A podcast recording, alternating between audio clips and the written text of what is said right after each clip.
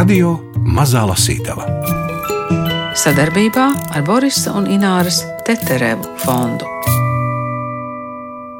Es rakstu gan sajūtas, gan esejas, gan dzēju ļoti sen kopš pati sevi atceros. Jau sen, bet sev raksta Helēna Ora. Tas ir viņas radošais pseidonīms, bet uz grāmatas panika vāka ir viņas pašportrets. Tā ir tā pati Elīna, aktrise, māksliniece, tā pati un tomēr cita, jo izrakstījusies cauri panikai un izdzīvojusi. Arī cauri dzeltenās preses zinkārībai un sabiedrības aizspriedumiem. Viņas vienkāršība atbruņo. Arī radio mazo lasītāju, kurā paniku lasa Gundars Āboliņš, Agita Bērziņa, Nora Mītspapa un Ingvilda Strautmane. Visticamāk, mēs runāsim par to, ko dzeltenā presījums nestāsta. Daļas no šī darba ir jau bijušas sarakstītas stipri, stipri iepriekš. Tas nav tā, ka es esmu apsēdusies un rakstījusi grāmatu. Tādi Mans, mazi kopoti raksti iznāk. Agrāk rakstītājs ar tagad. Neteiksim kopoti raksti, bet es pat nezinu, kā nosaukt, tāpēc, ka, jā, uh, teiksim, tā, tā lielākā daļa ir uh, viena mirkļa, milzu plūdu, bet daļas no grāmatas un pat tādas atslēgas daļas ir tapušas uh, 5, 10 un pat vairāk gadus iepriekš. Jā. Un zīmējumi? Zīmējumi ir svaigi, zīmējumi ir arī neilgā laikā tapuši pašai lasot un skatoties jau rediģēt grāmatas tekstu zem nodaļām. Tā kā ilustrācijas ir tapušas speciāli grāmatai. Tas nav nekas iekrāts, tas ir absolūti, absolūti svaigs. Nu, kurš bija tas cilvēks vai tas pagrieziena punkts, kad uh, bija skaidrs, ka ir iespējams eh, to drukāt, eh, ir iespējama grāmata, ir iespējams, ka cilvēki lasīs. Nu, var jau būt, ka daudz cilvēku kaut ko klusiņām raksta, bet eh, nu, nesaņemas to kādam parādīt. Jā, šis ir ļoti labs jautājums un svarīgākais visā šī stāstā, jo bieži vien es arī rakstu priekš sevis, un šis nav izņēmums. Klusiņām arī es rakstīju šo savu gara darbu. Uh, Bet tad, kad uh, ieguva grāmata savus apjomus, jau simts un vairāk lapas puses, es uzrīkstējos dot palasīt kādiem sev uzticamiem, tuviem un uh, netik tuviem cilvēkiem, tīri kā literāro darbu. Saņēmu, varētu teikt, ārkārtīgi daudz uzmundrinošas un aicinošas vēsmas darbu publicēt, sakot, ka tu nedrīksti sēdēt uz šī materiāla, tev ar to ir jādalās. Pag, un kas to teica? Tie tuvie, tie tuvie vai tie netik tuvie cilvēki? Tuvie cilvēki ir ģimene, mamma, brālis, māsa, mani krustbērni un uh, netik tuvā ģimene, varbūt ir draugi un arī paziņas. Varbūt jomas speciālisti šī ziņā saistībā ar paniku tieši ar šo grāmatu terapeiti to lasīja un uh, pieļauju, ka viņi arī deva tālāk uh, iegūt viedokli, izlasīt kādam. Tā kā nu, dabiski iznāca. Tas nav bijis uzdevums uzrakstīt grāmatu. Grāmata ir vienkārši sanākusi šī gadījumā. Tas nozīmē, ka tie cilvēki, kuriem bija iespēja iepazīties no ar manuskriptu, ar to, kā saka, tajā pirmotnējā stāvoklī ar šiem tekstiem, tad saprata, ka tam ir jānonāk arī pie plašāka skatītāja loka, ja es tā pareizi sapratu. Jā. Un, ja es esmu mājās un man plauktā šī grāmata ir, e, kāds būtu tas brīdis, kad man vajadzētu pieiet pie grāmatu plaukta un izvēlēties tieši šo grāmatu? To var darīt jebkurā brīdī, jo grāmatā ir arī manas mazās dēļas, kas ir tapušas jau manas skolas laikā. Tur tiešām ir tāda salasījums no dažādiem laika posmiem.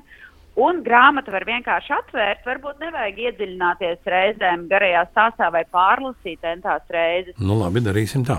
Nu, tad manā priekšā ir šī grāmata, tāda uzkrītoši dzeltena. Gudri nebaidi mani, zini, cik tas ir saviļņojoši. nu kā, ne tikai priekšā, bet arī manās rokās ir šī grāmata. Būtībā uz grāmatas vāka ir tava seja, tā kā tu, tu esi manās rokās šobrīd. no, apmēram tā, jā.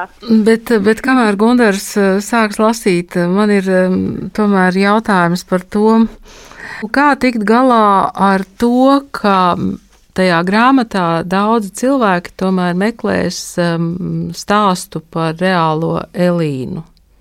Mm, vai tas traucē? Lūdzu, meklē, tas taču ir fantastiski. Drīkst, jā. Protams, ka to drīkst darīt. Es domāju, jebkurš lasītājs, jebkurš cilvēks, kas gluži kā Gunārs šobrīd tur savā priekšā, savās rokās manu grāmatu, drīkst darīt ar to, ko grib. Es to nevaru ietekmēt, bet uh, grāmatā ir ļoti daudz prototipu no manas dzīves, jā, bet uh, izņemot pāris nodaļas, kuras es jau esmu publiski komentējis, ka tās ir nu, tā aprakstīta reālā dzīve, īpaši nodaļa, kur ir uh, panika īstajā brīdī, tieši panikas laikā, kad es rakstu. Uh, tad nu, tomēr tas ir literārs darbs. Tās ir manas esejas, viņas jau laiku atpakaļ uzrakstītas. Bet interpretēt var dažādi. Es domāju, tas uh, visiem ir tiesības uz to. Tādēļ nu, es nedrīkstētu šajā visā jaukties iekšā, ko nu, katrs saskata vai grib redzēt vai izlasa. Tā ir grāmatas un lasīšanas priekšrocība, ka lasot var interpretēt, un tā ir pirmreizējā un laikam vispatiesākā. Un rakstnieks vairs neko nevar ietekmēt. Jā, jā ar to interpretāciju, tā, kas ir manā galvā, tur rakstnieks ir bezspēcīgs. Jā, tur redzēs kaut ko vienu, kuram interesē, nu kas tur ir par to manu dzīvi, nu, lai viņš interesējās. Un uh, varbūt arī ieraudzīs tur tiešām ļoti daudz sakritību un tā tālāk, bet tas ir katra paša ziņā. To nu, es tiešām nevaru ietekmēt. Tajā lapas pusē, kas ir tā saucamā grāmatas pasīte, ja, ir stāv rakstīts, šis ir literārs darbs, visi notikumi un personāži ir izdomāti. Jebkura sakritība ar reālo dzīvi ir nejauša. Jā, tā raksta daudzām grāmatām, protams, pasīt. un filmām arī. Un filmām arī. Elīna, vai tu klausīsies, kā Gunārs lasa, vai mēs vēl mazliet apgādājam? Es gribētu, nu, zin kā, man tas ir tāds, nu, tas jau ir tā, tas nav tā vienkārši. Man tas nu, arī ir ļoti, ļoti patīkams brīdis. Un, un šitas... Tu izlaiž grāmatu klausīties pa telefonu, nevis pa radio. Ja? E, klau, klau, klau, Elīna, bet vai ir tās atslēgas nodaļas, kas būtu jālasa, vai, vai tu tagad paļaujies uz to, ko mēs lasīsim? Ko jūs vērsiet, to jūs lasiet. Man ļoti nepatīkama situācija šobrīd, kad, teiksim, masu mēdī izvēl kaut ko un mēģina mm -hmm. sazīmēt. Nu, teikšu godīgi, nav ļoti, varbūt pat ne man, bet, nu, teiksim, par kādu cilvēku varbūt piemiņu un tā tālāk. Un pie kam stāsti varbūt uh, ir cik patiesi, cik nepatiesi, cik izdomāti. Un nu, neatļaušos ieteikt. Nē, nevajag. Lai būtu mirkļa burvība. Jā.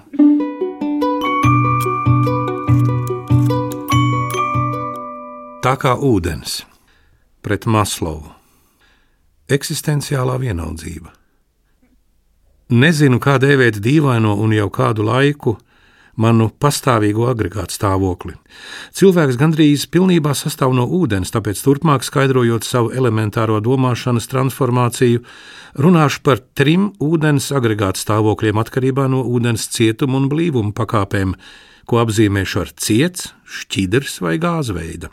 Ja es iedalu savas būtības, saprašanas, domāšanas, jūšanas, apzināšanās un neapzināšanās šajās pakāpēs, šķidra, cieta vai gāzveida, tad šobrīd visticamāk atrodos šķidrā, gāzveida stāvoklī. Kā ūdens muca, kas diezgan straujā tempā iztvaiko. Cietais stāvoklis Gāzveida stāvoklī praktiskās, saimnieciskās, dzīvnieciskās, ar vārdu sakot, taustāmās problēmas nav vissvarīgas.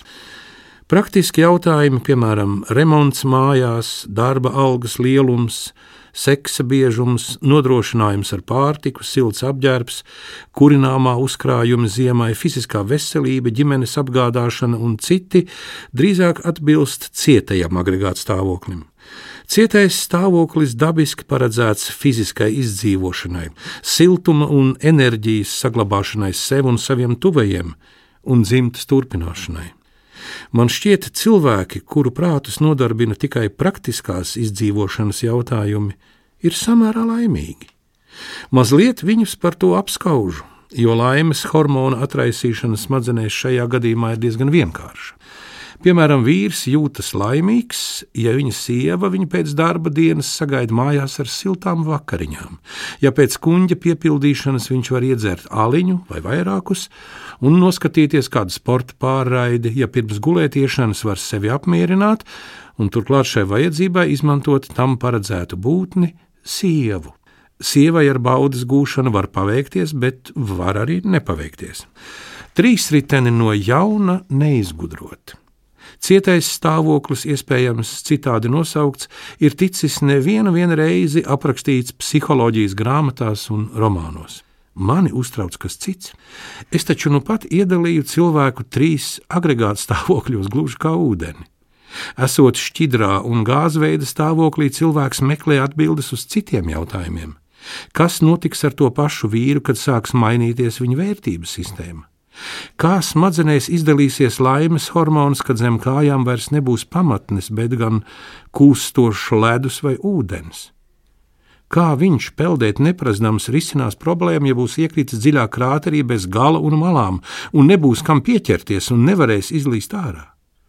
Kad vienīgais variants būs kult ūdeni ar kājām tik ātri, ka tas uzvārīsies un iztvaikos, vai kad nāksies izgudrot vēl kaut ko tikpat nereālu?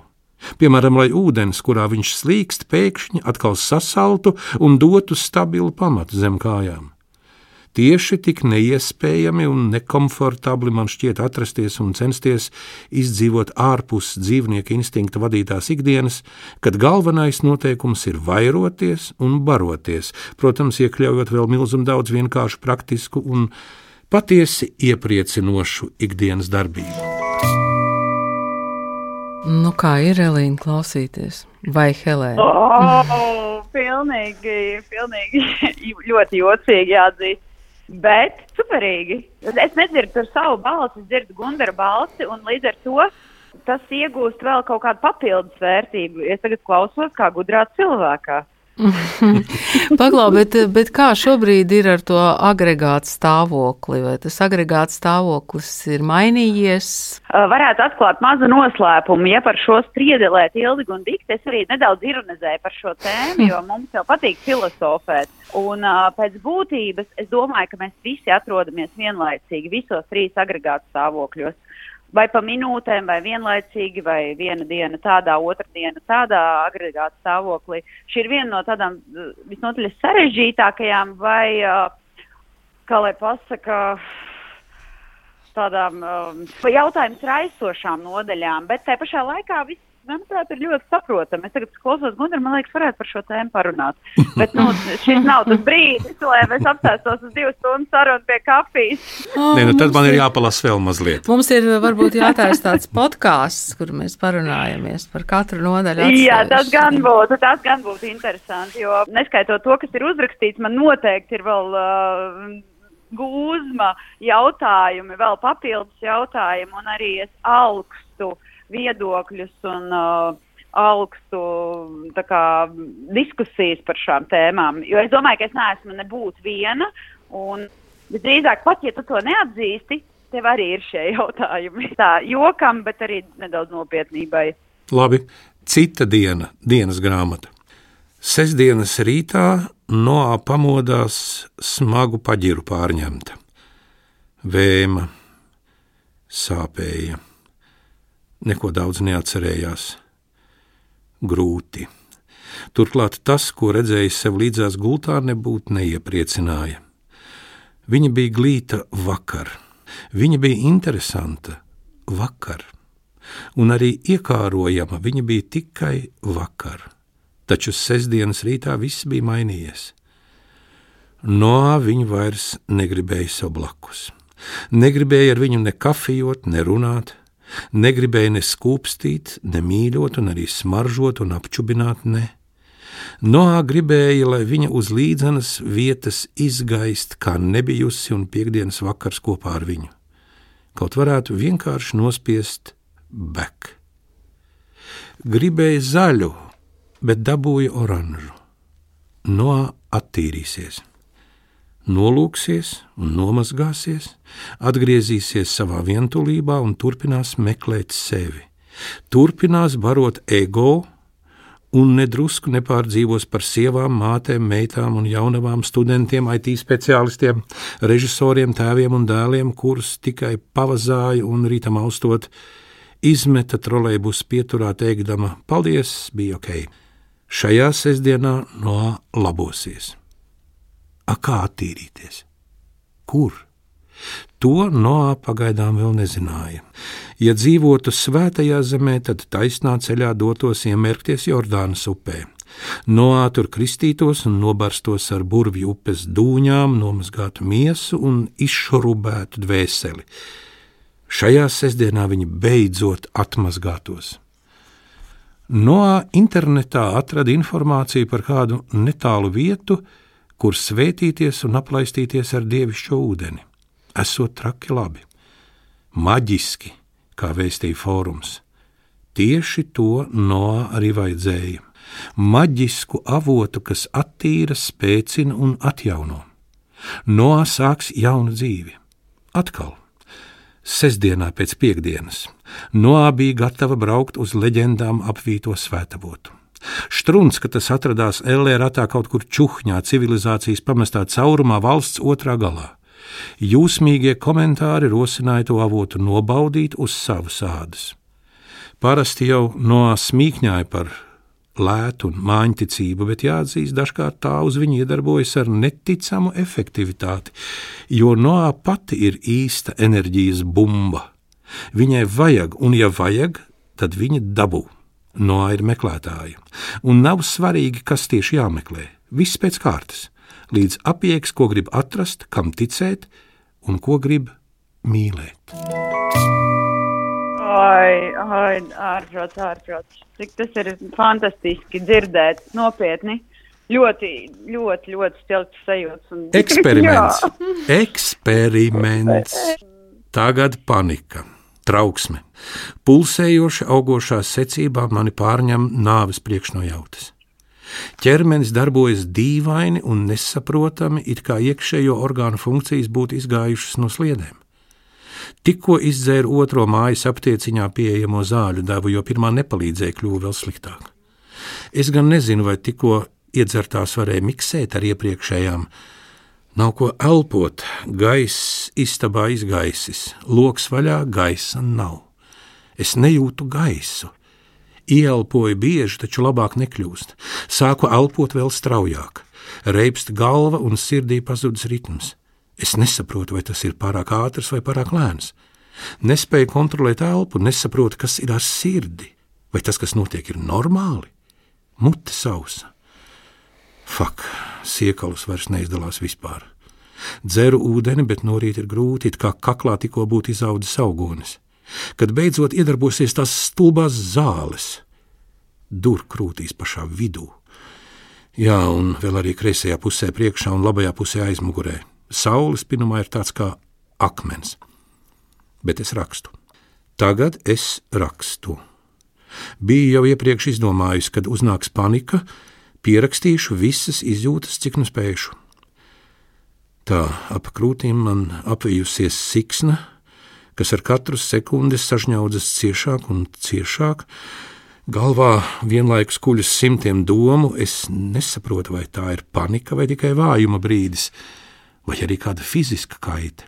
Gribētos domāt, ka iekšējo orgānu darbība nav traucēta, tomēr es tam nespēju noticēt. Domas domājas pašas, un sirds skrien ātrāk nekā parasti. Acis asaro. Es knapi redzu, ko rakstu, bet turpinu, jo rakstīšana man varbūt palīdzēs. Varbūt spēlējot ķerenes ar šīm sajūtām, es tās norakstīšu no sevis nost. Trūkst gaisa. Uz balkonu neiešu, jo tas mani biedē. Nē, nebūs tagad nekādu balkonu. Ir eikalipta ziedi, kas darbojas līdzīgi gožamajam spirtam, liek ieelpot tā pa īstam, nevis tikai raustīt gaisu iekšā ārā. Nu tad, kad tās zāles iedarbosies, nu kad tās iedarbosies un kā tās iedarbosies, vai kļūs labāk vai sliktāk, vai tās apstādina elpošanu un sirdi? Instrukciju nelasīju, tā ir pārāk šausmīga, tur viss ir letāls. Durpierē kasās roku locītavas uznāk vājums. Es nekasos, jo rakstu. Rakstu.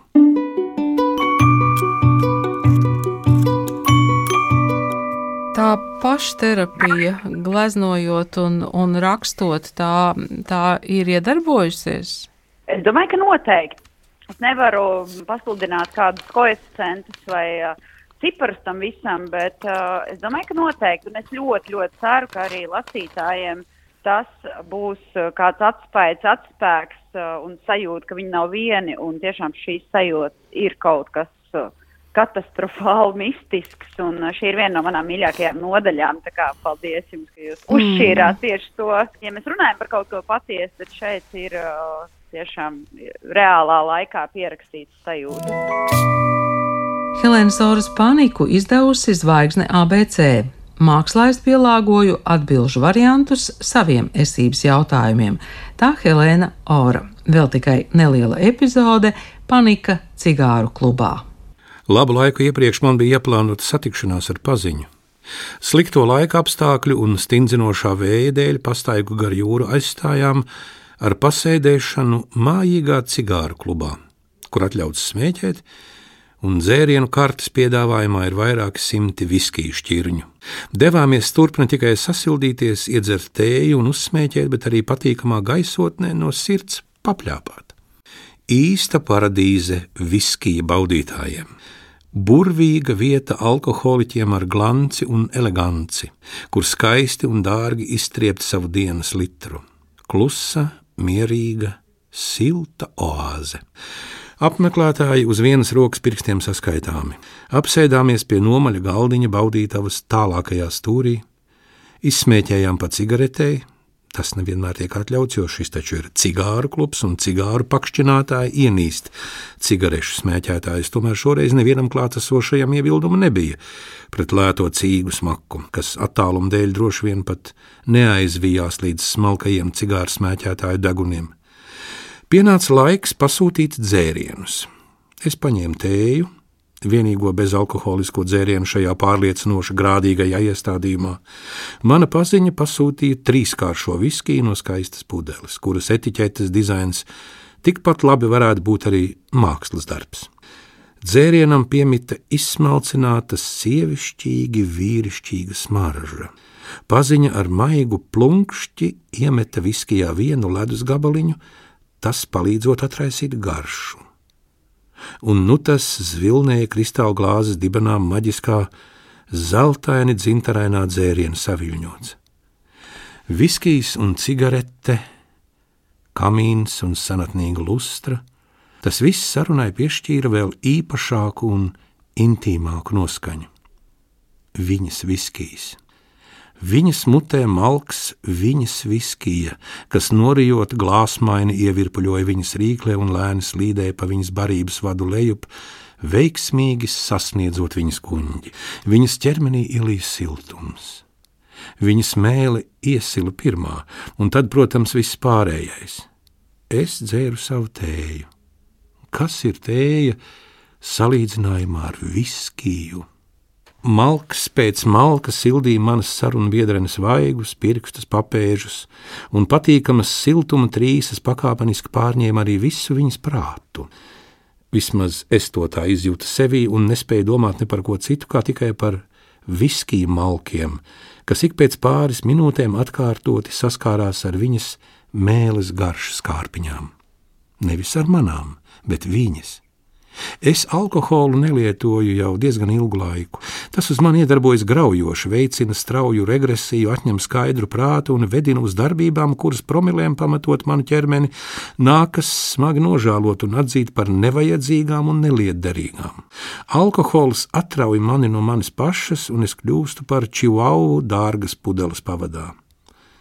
Man tas traucē un nepatīk. Es esmu alkoholiķe, tādēļ dzert nedrīkstu. Es meklēju un kādu laiku atpakaļ atradu sevi pudelē.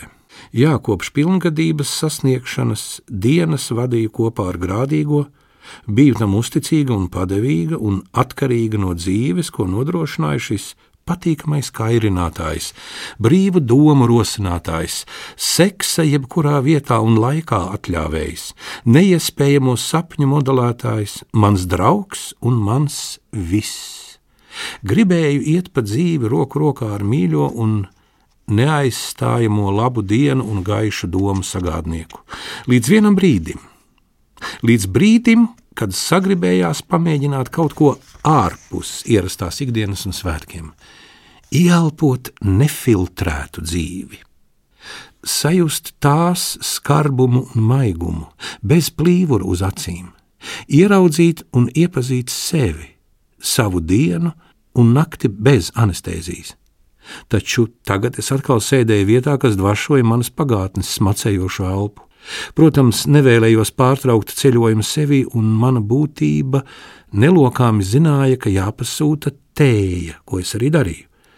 Sarunas bija interesantas, tēja garšīga, gluži kā pie mammas, Viss bija absolūtā kārtībā, bet man sākās panika.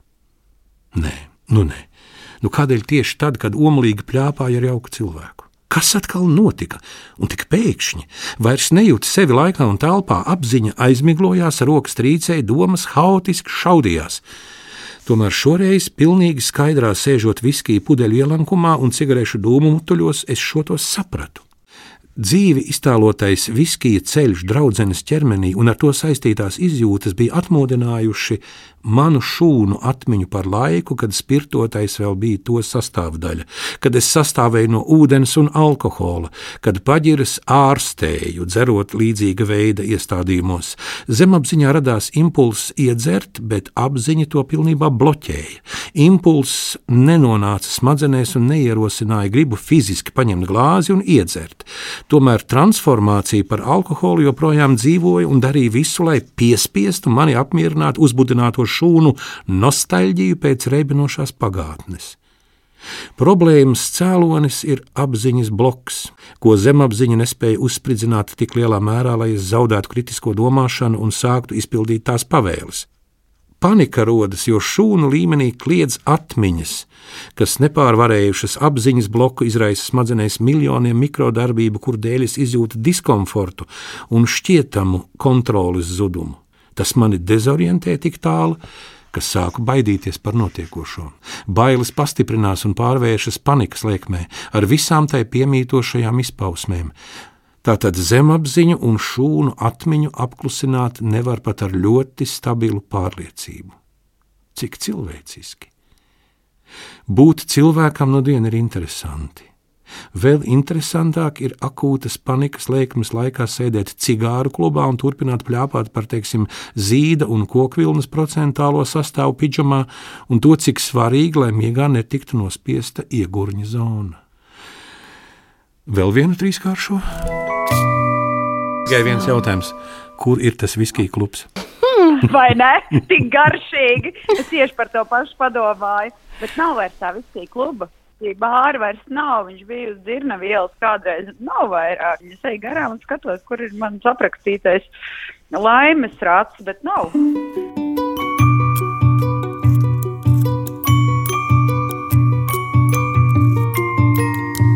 Radio Mazā Lasītava Sadarbībā ar Borisa un Ināras Teterevu fondu.